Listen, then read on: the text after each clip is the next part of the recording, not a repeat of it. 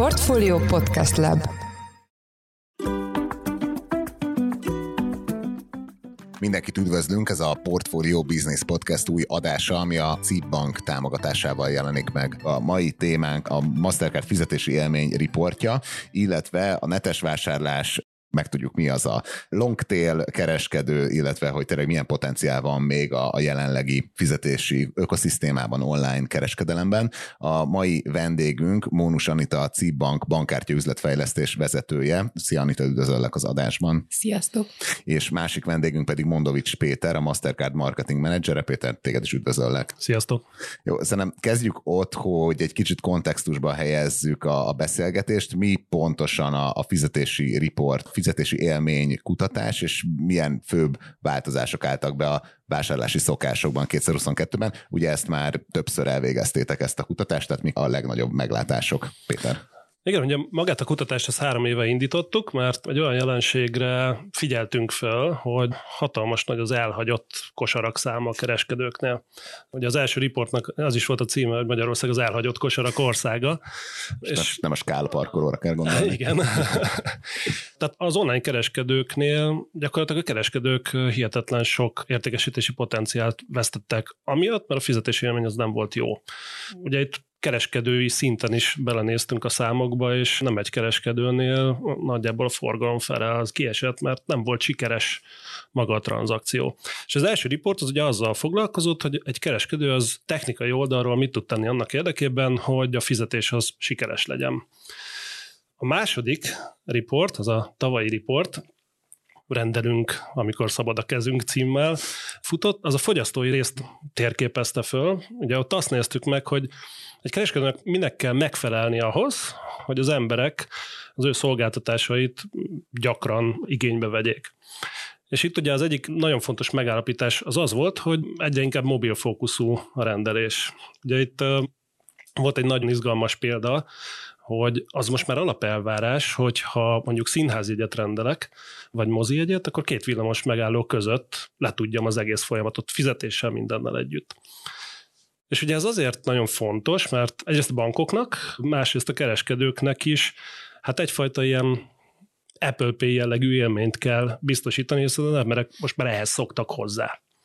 És az idei report az viszont már azt kezdte el boncolgatni, ugye vannak a nagy kereskedők, akiknél ezek a szolgáltatások hát most már natív szinten megvannak. Tehát az azért alap, hogy nagyon gyorsan tudom összeválogatni a termékeket, berakni a kosárba és kifizetni, viszont a kiskereskedőknél ez nincs meg.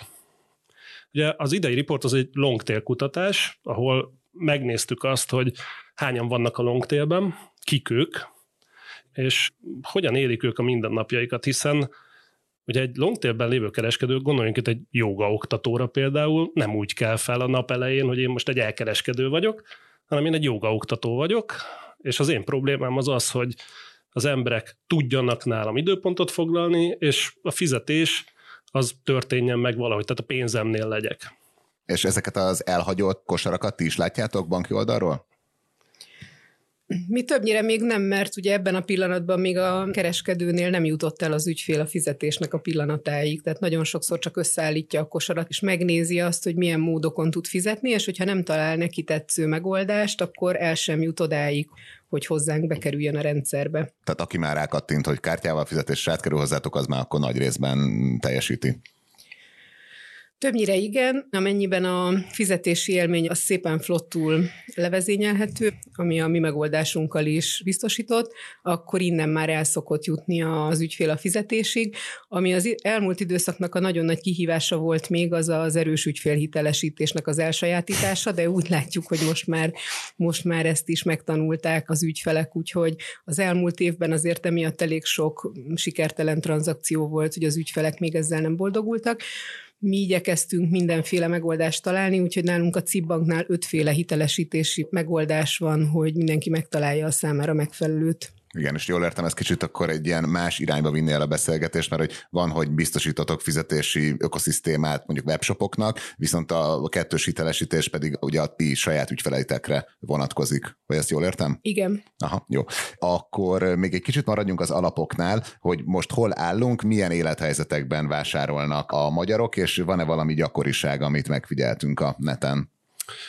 Kicsit a Covid-tól indulnék ki, jó? Mert ha. ugye azt szokták mondani, hogy a Covid az elhozta a digitalizációt, nagyon nem igaz, mert hogy a digitalizáció sokkal hamarabb elindult már. Amit a Covid hozott, az egyfajta begyorsítása ezeknek a folyamatoknak. Tehát a G2 riportja, ugye minden évben elkészül az elkereskedelmi körkép, az azt mutatja, hogy hát a Covid alatt ilyen 30-40 százalékos ütemmel nőtt az elkereskedelem.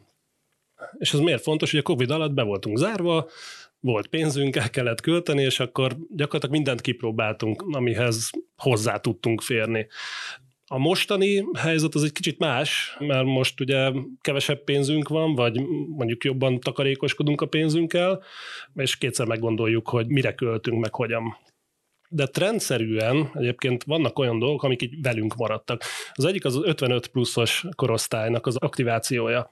Tehát ugye Covid alatt az történt, hogy, hogy nem lehetett kimenni, tehát hat héten keresztül be voltunk zárva, és valahogy hozzá kellett jutni a dolgokhoz, és az 55 pluszos korosztály elkezdte felfedezni magának a digitális rendelési formákat. Ez az a korosztály, ami egyébként a legnagyobb ütemben nőtt, és a legnagyobb mértékig maradt aktív azóta. És ez tök jó, mert ez azt jelenti, hogy a digitális szolgáltatások azok teret nyertek náluk. Aztán ugye van a másik része, hogy milyen élethelyzetekben rendelünk. Ugye a Covid elején kezdtük ezt lemérni, és hát ilyen nagyon vicces dolgok jöttek ki, mert hogy az embereknek az 55% az ágyból rendelt, és ez egyébként azóta is tartja magát, tehát nagyon szeretünk mi, mint magyarok ágyból rendelni. 52% az tévé előtt, tehát miközben tévét néz, lerendel dolgokat, de ami viccesebb, mondjuk 17% az a WC-ről. Ugye főleg urak, és azt is el lehet mondani, hogy... 17% vallja be. Hát 17% vallja be, de hát ez egy sokkal magasabb szám, mint amire én gondoltam személy szerint, és háztartási tisztítószereket. Tehát ez, legyünk őszintén, az a tere annak, amikor így el lehet gondolkodni, hogy mit kezdjek a lakással. Aztán vannak teljesen extrém helyzetek, vezetés közben piros lámpánál 8 illetve volt egy olyan kérdés, hogy alkoholos befolyásoltság alatt esetleg rendeltél már 3% az bevallotta, hogy rendelt. Az egyik kedves ismerősöm két darab borhűtőt rendelt ráadásul, ez a pillanatnyilag jó ötletnek látszott. De ugye mi ennek a tanulsága? Ennek a tanulsága az az, hogy egyrészt most már a rendelés az mobilhoz kötött, másrészt nagyon gyors. És akkor itt ugye ez felvet egy következő kérdést, hogy mennyire sajátították el az emberek a, a digitális fizetési módokat, mert ugye mm, az nagyon sokszor elhangzott, hogy Magyarország alapvetően egy készpénzközpontú ország, és hogy az emberek azok készpénzben szeretnek fizetni, Ugye megint csak a G2 kutatására tudok hivatkozni, hogy most már kétharmada a rendeléseknek az kártyás fizetéssel végződik. Ugye vagy a futárnál fizetünk, vagy egyébként előre fizetünk, és itt jön be a képbe, ami miatt mi ezt az egész riportot elindítottuk, a mentett kártyás fizetés. Jó, erről mindjárt kérdeznélek majd, még itt az 55 pluszos korosztálynak az aktivációjáról, ezt valahogy úgy képzelem, hogy ti elkészítitek a minél egyszerűbben használható ökoszisztémát, azért erről kommunikáltok a sajtóban is, ezért minél többen elkezdik használni a kártyáikat, de utána valahogy szerintem banki oldalon csapódhat le az, amikor megpróbálják ezt az egészet használni. Ezt ti is láttátok a COVID alatt, meg azóta, hogy több megkeresés érkezik az idősebb korosztálytól, hogy elakadtam, hogy kell használni, mindenféle oktatásokat kell tartani, vagy ezt hogy reagáltatok le? Egyértelműen. A COVID alatt mind a kereskedő szám nagyon jelentősen megnőtt, közel 10%-ot egy, egy év alatt, és azt is látjuk, hogy a kártya birtokosoknak sokkal nagyobb aránya aktív, és sokkal nagyobb aránya aktív e-commerce környezetben, és nekünk egyébként is az ügyfélkörünk túlnyomó része a 35 és 50 közötti korosztály, úgyhogy ez abszolút visszatükröződik, hogy ők is bátran elkezdték használni a kártyájukat. Milyen rátérnénk a kosár elhagyásra, illetve a longtail kereskedőkre, de ami szerintem egy nagyon fontos aktualitása most a bárhol bankkártyás vagy e-fizetésről beszélünk, az a BNPL, tehát ez a Buy Now Pay Later. Itt hogy állunk ezzel Magyarországon, illetve ezzel gyakorlatilag, vagy én nekem, mert most nem szoktam mindig véleményt behozni, de hogy ez gyakorlatilag az, hogy hogy újra feltaláltuk az áruhitelt, és hogy fogjuk azt elkerülni, hogy túlságosan túlvállalják magukat az ügyfelek. Igen, tehát a BNPL-nek van egy ilyen sajnálatos mellékhatása, hogy nagyon könnyen tudok hitelhez jutni. Tehát egyes felmérések szerint azért a nagy BNPL szolgáltatóknál a bedölt hitelek aránya az ilyen 20 és 35 százalék között van, ami borzalmasan magas szám. Magyarország alapvetően egy egy hagyományos áruhitel központú ország. Tehát ugye én, mint fogyasztó, már beárazom előre, hogy sorban kell állnom, oda kell vinnem a papírjaimat, idegenek belenéznek a papírjaim, és akkor eldöntik, hogy azt a hitelt megkaphatom-e, de ezzel nincsen semmi baj. Amikor megpróbáljuk ezt digitális frontra terelni, akkor ugye itt évtizedes berögződésekkel kell leszámolnunk. Tehát digitalizálnunk kell olyan folyamatokat, amik nem biztos, hogy egyelőre digitalizációért kiáltanak. Ez az egyik dolog, a másik, hogy azért Magyarországon van egy elég sajátos szabályozási környezet, ami ugye jelenleg nehézkessé teszi az ilyen digitális szolgáltatások elindítását, tehát ugye két tanús aláírás kell, meg elég erős ügyfélhitelesítés és, és hitelképesség vizsgálat ahhoz, hogy egy ilyen szolgáltatást igénybe vegyek. Éppen ezért ez a szolgáltatás, az külföldön, mondjuk az olyan országokban, ahol kicsit liberálisabb a szabályzás, vagy az áruhitelnek nincsen ekkora hagyománya, például Románia, ez a dolog így szárba tudott szökkenni, mi egyelőre nem mentünk el ebbe az irányba, és ezzel egyébként semmi baj nincs. Mhm. Majd egyszer meg fog jönni, de ne siessünk. Ugye azt írjátok a riportban, és itt egy kicsit puskázom, hogy a szektor igazi aranykorát a longtail kereskedők felzárkóztatása hozhatja el, akiket felkészületlenül ért a járvány, akkor kicsit érjünk rá arra, hogy már említettél például egy jogaoktatót, de hogy lehetne leírni azt a közösséget, akik a longtail kereskedők, és körülbelül hányan lehetnek, és ők mire használják magát ezt az egész elkereskedelmi ökoszisztémát, és akkor, amit megfogalmaztatok, hogy miben vannak lemaradva. Az ugye először is onnan kezdeném, hogy az, az egész kérdéskör az hány embert érint.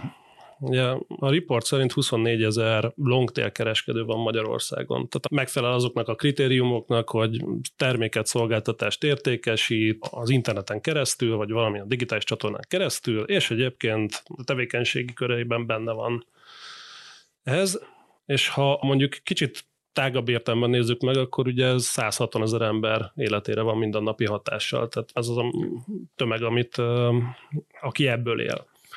Ugyanakkor ez nem egy homogén közeg. Tehát ugye az a baj, hogy amit már említettem, az emberek nem úgy kelnek föl, hogy én most egy elkereskedő vagyok.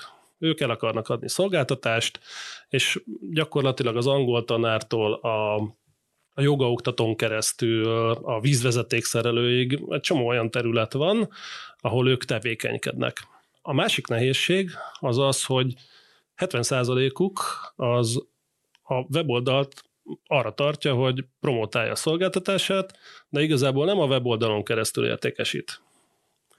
Most innentől kezdve, hogy a digitális szolgáltatások nehezen tudnak megjelenni.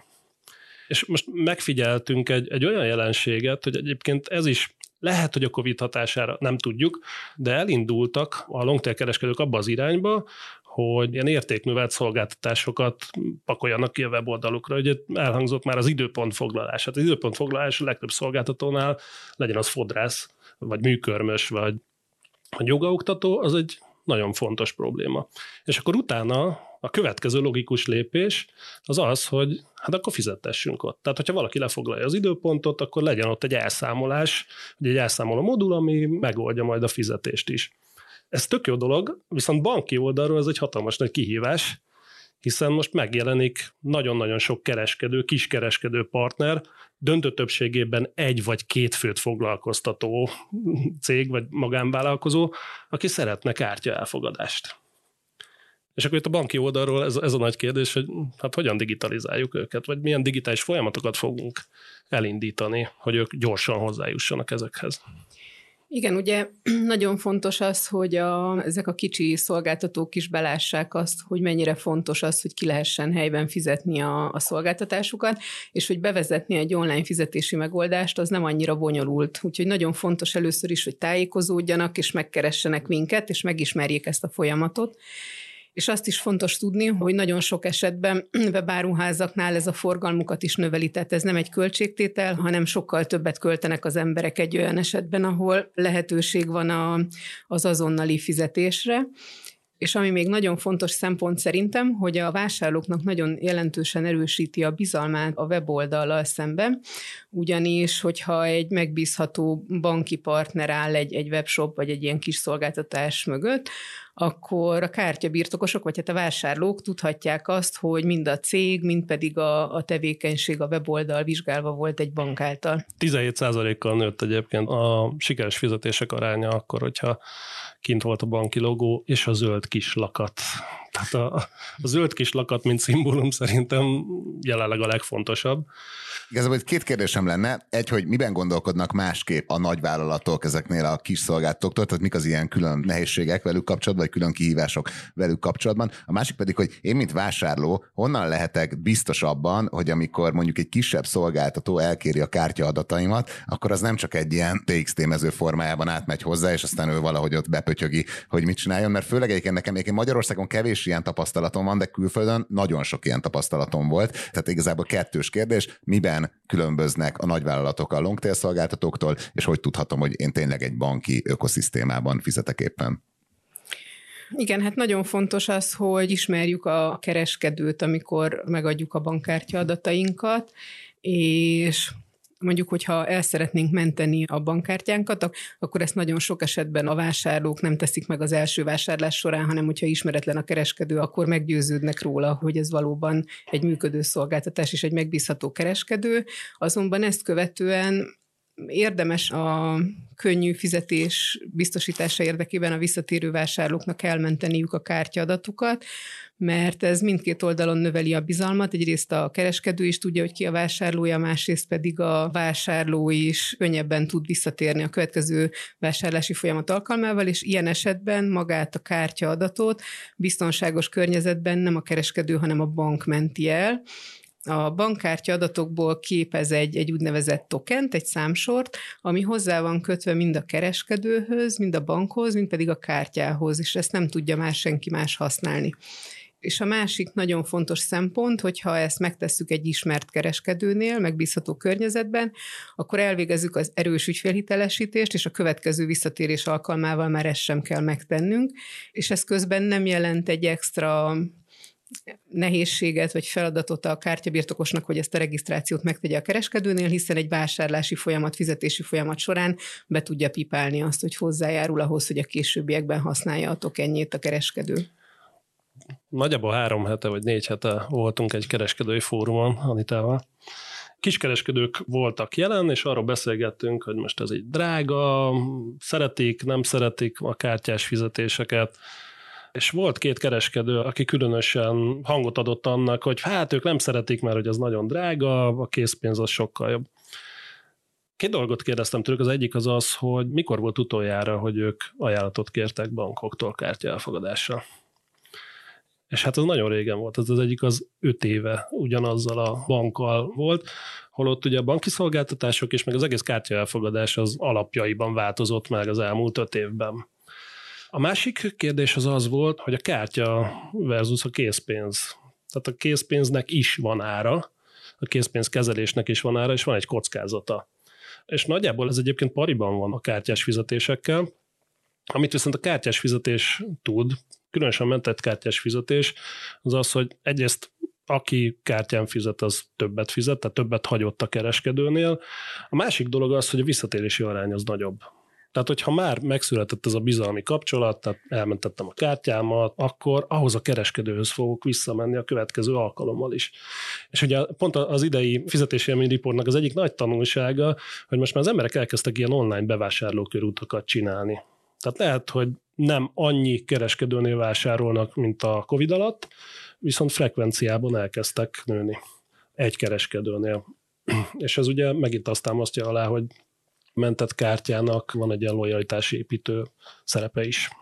Ugyanezen a fórumon beszélgettünk a kereskedőkkel arról, hogy nagyon nagy nehézséget okoz nekik az, hogy az ügyfelek nagyon sokszor megrendelnek egy-egy árut, és aztán meggondolják magukat, és nem veszik át és sok esetben esetleg le is tagadják azt, hogy ők vásároltak abban a webshopban, és hogyha már megtörtént a fizetés, akkor kisebb az aránya sokkal annak, hogy a vásárló később visszalépjen, vagy meggondolja magát, illetve nem tudja azt állítani, hogy ő nem járt abban a webshopban. Úgyhogy ez egy biztonságot ad a kereskedőknek is. Hát ugye itt a fals rendeléseknek is hihetetlen költsége van, hiszen a kereskedő az kiszállítja a terméket, és mondjuk ott szembesül azzal, hogy nem veszik át, akkor vissza kell vinnie, és logisztikai költségek nagyon-nagyon magasak tudnak lenni.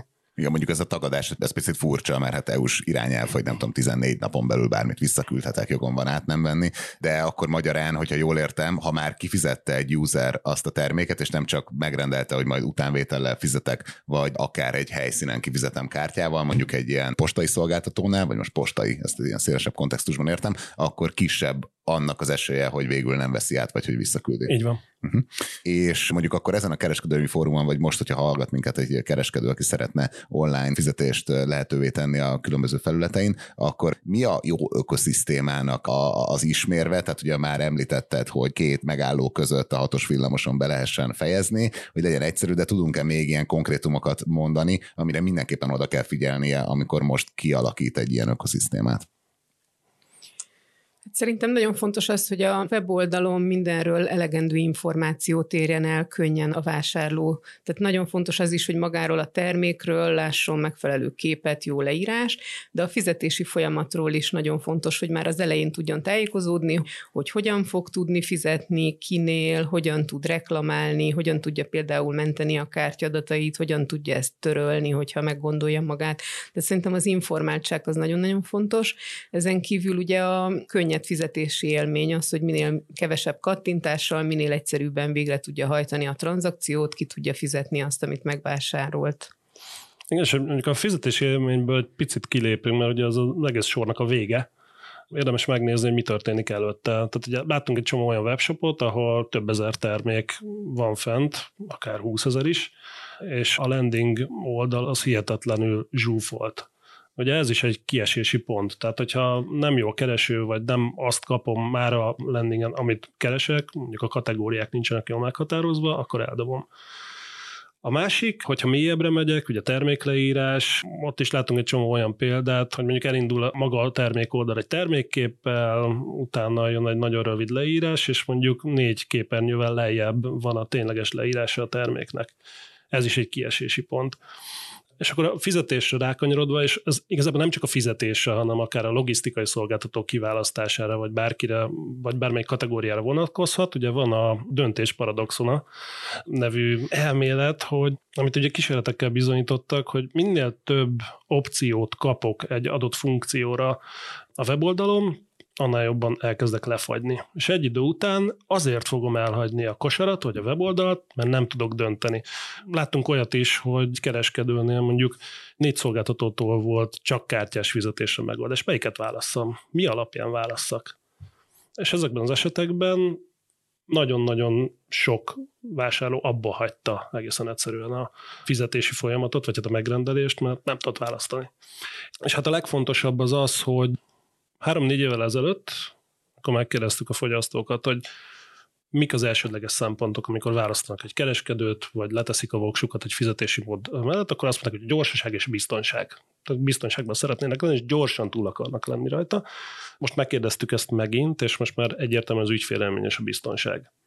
Tehát nem biztos, hogy szuper gyorsnak kell lenni a folyamatnak, viszont végigérezem azt, hogy biztonságban vagyok, hogy megkapom az összes információt, hogy ott van a kis zöld lakat, tehát értsem azt, hogy mi történik ott, és hogy a kártya számom adott esetben biztonságban van, és akkor utána nagyobb biztonsággal fogok visszajönni, és következő alkalom is ott vásárolni.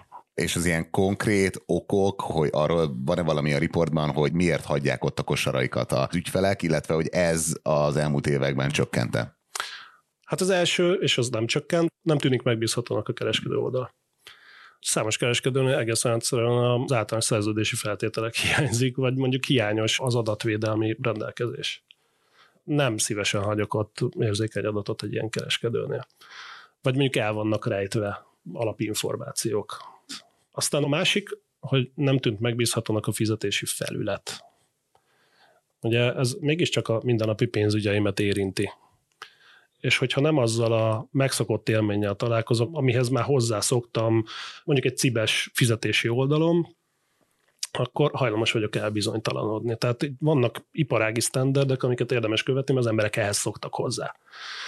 Itt ugye megint a felhasználó élmény volt, ami még kijött, ami nagyon fontos, hogy az emberek alapvetően a felhasználói élményt, azt nem a versenytárshoz mérik. Tehát nem úgy mérlegelnek, hogy ez az oldal mondjuk fizetési funkcióját tekintve rosszabb vagy jobb, mint a versenytárs webshop oldala, hanem az általuk érzéket legjobb ügyfélélményhez mondjuk egy digitális fizetési szolgáltatáshoz, amit a telefonomban végzek, ugye Apple Pay, Google Pay, ez mind olyan, ami, ami most már beépült a hétköznapokban, és igenis ezt várják el az emberek. Legyen gyors, legyen biztonságos, és egyébként egy gomnyomással el tudjam végezni. Illetve szerintem még egy nagyon-nagyon fontos információ az, hogy a weboldalnak az elnevezése és a kereskedőnek a beazonosítása, elnevezése az folyamatosan konzekvens legyen, mert nagyon zavaró az, hogyha mondjuk a weboldalnak van egy brand neve, aztán a visszaigazoló e-mailben egy teljesen ismeretlennek tűnő cégnév jelenik meg, vagy esetleg a kivonaton, a visszaigazoló SMS-ben különböző elnevezéseket találnak az ügyfelek, úgyhogy nagyon fontos a tájékoztatás folyamatosan, hogy a tranzakciót végig nyomon tudja követni, hogy ki az, akinél fizet. Jó, tehát akkor igazából összefoglalóként az a legfontosabb, hogy rendesen tájékoztassuk az ügyfelet, normálisan nézzen ki az a felület, ahol fizetést adunk, adjunk lehetőségeket, amiket elvárhatnak az ügyfelek, akár fizetési lehetőségre, akár szállításban, de azért ne annyira sokat, hogy képtelenek legyenek kiválasztani, hogy egyáltalán mit, miért választanak ki, és hogyha azt akarjuk, hogy egy ilyen lojalitást is növeljen maga a fizetési aktus, akkor ajánljuk fel a bankkártya elmentését, mert akkor nagyobb az esély, hogy visszajönnek. És milyen esetekben lehet szó arról, hogy mondjuk akkor már rögtön jóvá hagy egy ilyen ismételt terhelést, tehát hogy ez mennyire specifikus része mondjuk ezek ezeknek a longtail szolgáltatóknak. Mondjuk itt most nekem bejön a fejembe a Spotify, meg a Netflix, ezt gondolom ők nem a longtailbe tartoznak, de ez egyáltalán szóba jöhet, vagy ez nekik annyira nem releváns? Én azt gondolom, hogy itt kicsit kevésbé releváns, tehát Általában inkább a nagyobb, ismertebb szolgáltatóknál szoktak ezek az ismétlődő fizetések történni, a kereskedő által kezdeményezett ismétlődő fizetések, de kicsiknél is lehet olyan előfizetési konstrukció, ahol ez működhet akkor, hogyha már ismeri egymást az ügyfél és a, a kereskedő, illetve a szolgáltató. Tehát itt mindenképpen kell egy előzetes kipróbálás, egy bizalom és akkor itt is természetesen tud ez működni, de azért ritkább, mint a nagyoknál. Uh-huh ritkább, viszont ugye az egész ismétlődő fizetés az teljesen új üzleti modelleket hív életre. Ugye a kedvenc példám az a pelenka házhoz szállítás, vagy a Hát a pelenka rendelés spotify amit most jelenleg Angliában valósítottak meg, ami arról szól, hogy amikor megszületik a gyerekem, akkor Spotify-szerűen feliratkozom egy ilyen pelenka házhozszállítás, és akkor ugye végigkövetik a gyerekem cseperedését, mindig a megfelelő méretű pelenkát kapom meg, és mondjuk van egy olyan plusz szolgáltatása ennek a cégnek, hogyha mondjuk elutazom nyaralni, akkor utána is hozzák a pelenkákat, tehát nem kell magammal cipelni. Miért ne lehetne egy ilyet megcsinálni, akár egy joga oktatónál, akár egy a vízvezeték szerelő nem jó, mert remélhetőleg azért vízvezeték szerelővel nem sokat fogok találkozni, csak ha kell. Viszont van egy csomó olyan szolgáltatási szektor, ahol ennek igenis létjogosultsága van, és ráadásul nagyok közül is most már egyre inkább elkezdődött ez a gondolkodás, hogy mondjuk olyan prémium csomagokat csinálnak, amit havi előfizetésért vettek igénybe, és hamarabb tudom megkapni a terméket, mint a többiek, vagy bármilyen exkluzív előnyt tudok ezért kapni. Ugye most már azt azért elmondhatjuk, hogy az összes ilyen feliratkozó vagy ismétlődő fizetéses szolgáltatás az ugye a hétköznapjaink része lett. Tehát ugye, ahogy a tévézési szokások átalakulnak, bejött a streaming, mindenki streamingben hallgat most már zenét is, kereskedelem összes többi területére ez kihatással lesz. Ja, hát szerencsés vagyok, mert ugye két nemzetközi cégcsoport képviselőivel ülök itt, ezért meg tudom kérdezni azt, hogy mit tartogathat a, a közeljövő, akár a 2023 vagy az elkövetkező évek az elfizetésben. Itt vannak-e már olyan modellek, amiket láttok külföldön, amiket hamarosan mi is tapasztalni fogunk itthon? Az egyik nagy trend most az az, hogy a fizikai meg az online világ konvergál. Tehát ugye nagyon sok példát láttunk arra, hogy fizikai kereskedők elkezdtek online shopokat nyitni, Hát ugye WC papírgét Covid alatt mindenki elkezdett otthonra a nagyáruházakból kiszállítással WC papírt rendelni, és ugyanígy az online eh, világ az elindult a fizikaiba. Most ennek a végeredménye az nagyjából az lesz, hogy hát minden beköltözik a mobilunkba, és innentől kezdve mondjuk a vásárlási élmény az egy ilyen látható, vagy a fizetési élmény a vásárlásban az egy láthatatlan dolog lesz. Az Amazon is elindította az Amazon Go-t, bemegyek a boltba, beazonosítom magam az elején, leveszem a dolgokat a polcról, kimegyek, és a háttérben megtörténik a fizetés. Magyarországon is van most már ilyen Hát egyre inkább a fizetés az láthatatlan lesz, és egyre inkább a fizetés az beköltözik majd az eszközeinkbe. Ugye most mobillal tudunk fizetni, de nekünk van most már gyűrűs fizetési technológiánk, a legextrémebb a műkörömbe beépíthető fizetés, illetve hát a biometriát használó fizetési megoldások, tehát ugye hang, iris szkennelés, ezek nagyon futurisztikus dolgok, de, nem kizárt, hogy egyébként ezek online környezetben is működni fognak, hiszen van egy eszköz a zsebünkben, vagy a kezünkben, ami erre alkalmas. És innentől kezdve tényleg a fizetés az egy láthatatlanabb dolog lesz, az egy digitális dolog lesz, tehát nem kell elővennem a kártyámat, Ugye, amit még elfelejtettem mondani, hogy a legtöbb esetben az emberek azért nem fizetnek, vagy azért dobják el az adott tranzakciót, mert mondjuk a nagyszobában ülnek, nézik a tévét, és a kártya az kint van az előszobában, a kabátjukban, a fogason, és nem mennek ki érte.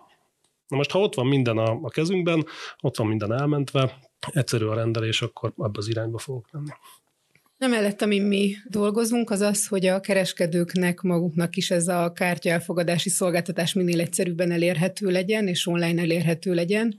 Úgyhogy igyekszünk bevezetni egyre nagyobb ügyfélkör számára az online szerződéskötési lehetőséget, és azt, hogy az e-commerce, illetve mondjuk egy softpost elfogadást perceken belül tudjunk biztosítani a kereskedő számára, és ne legyen ez egy ilyen bonyolult, elérhetetlen, távoli dolog számukra.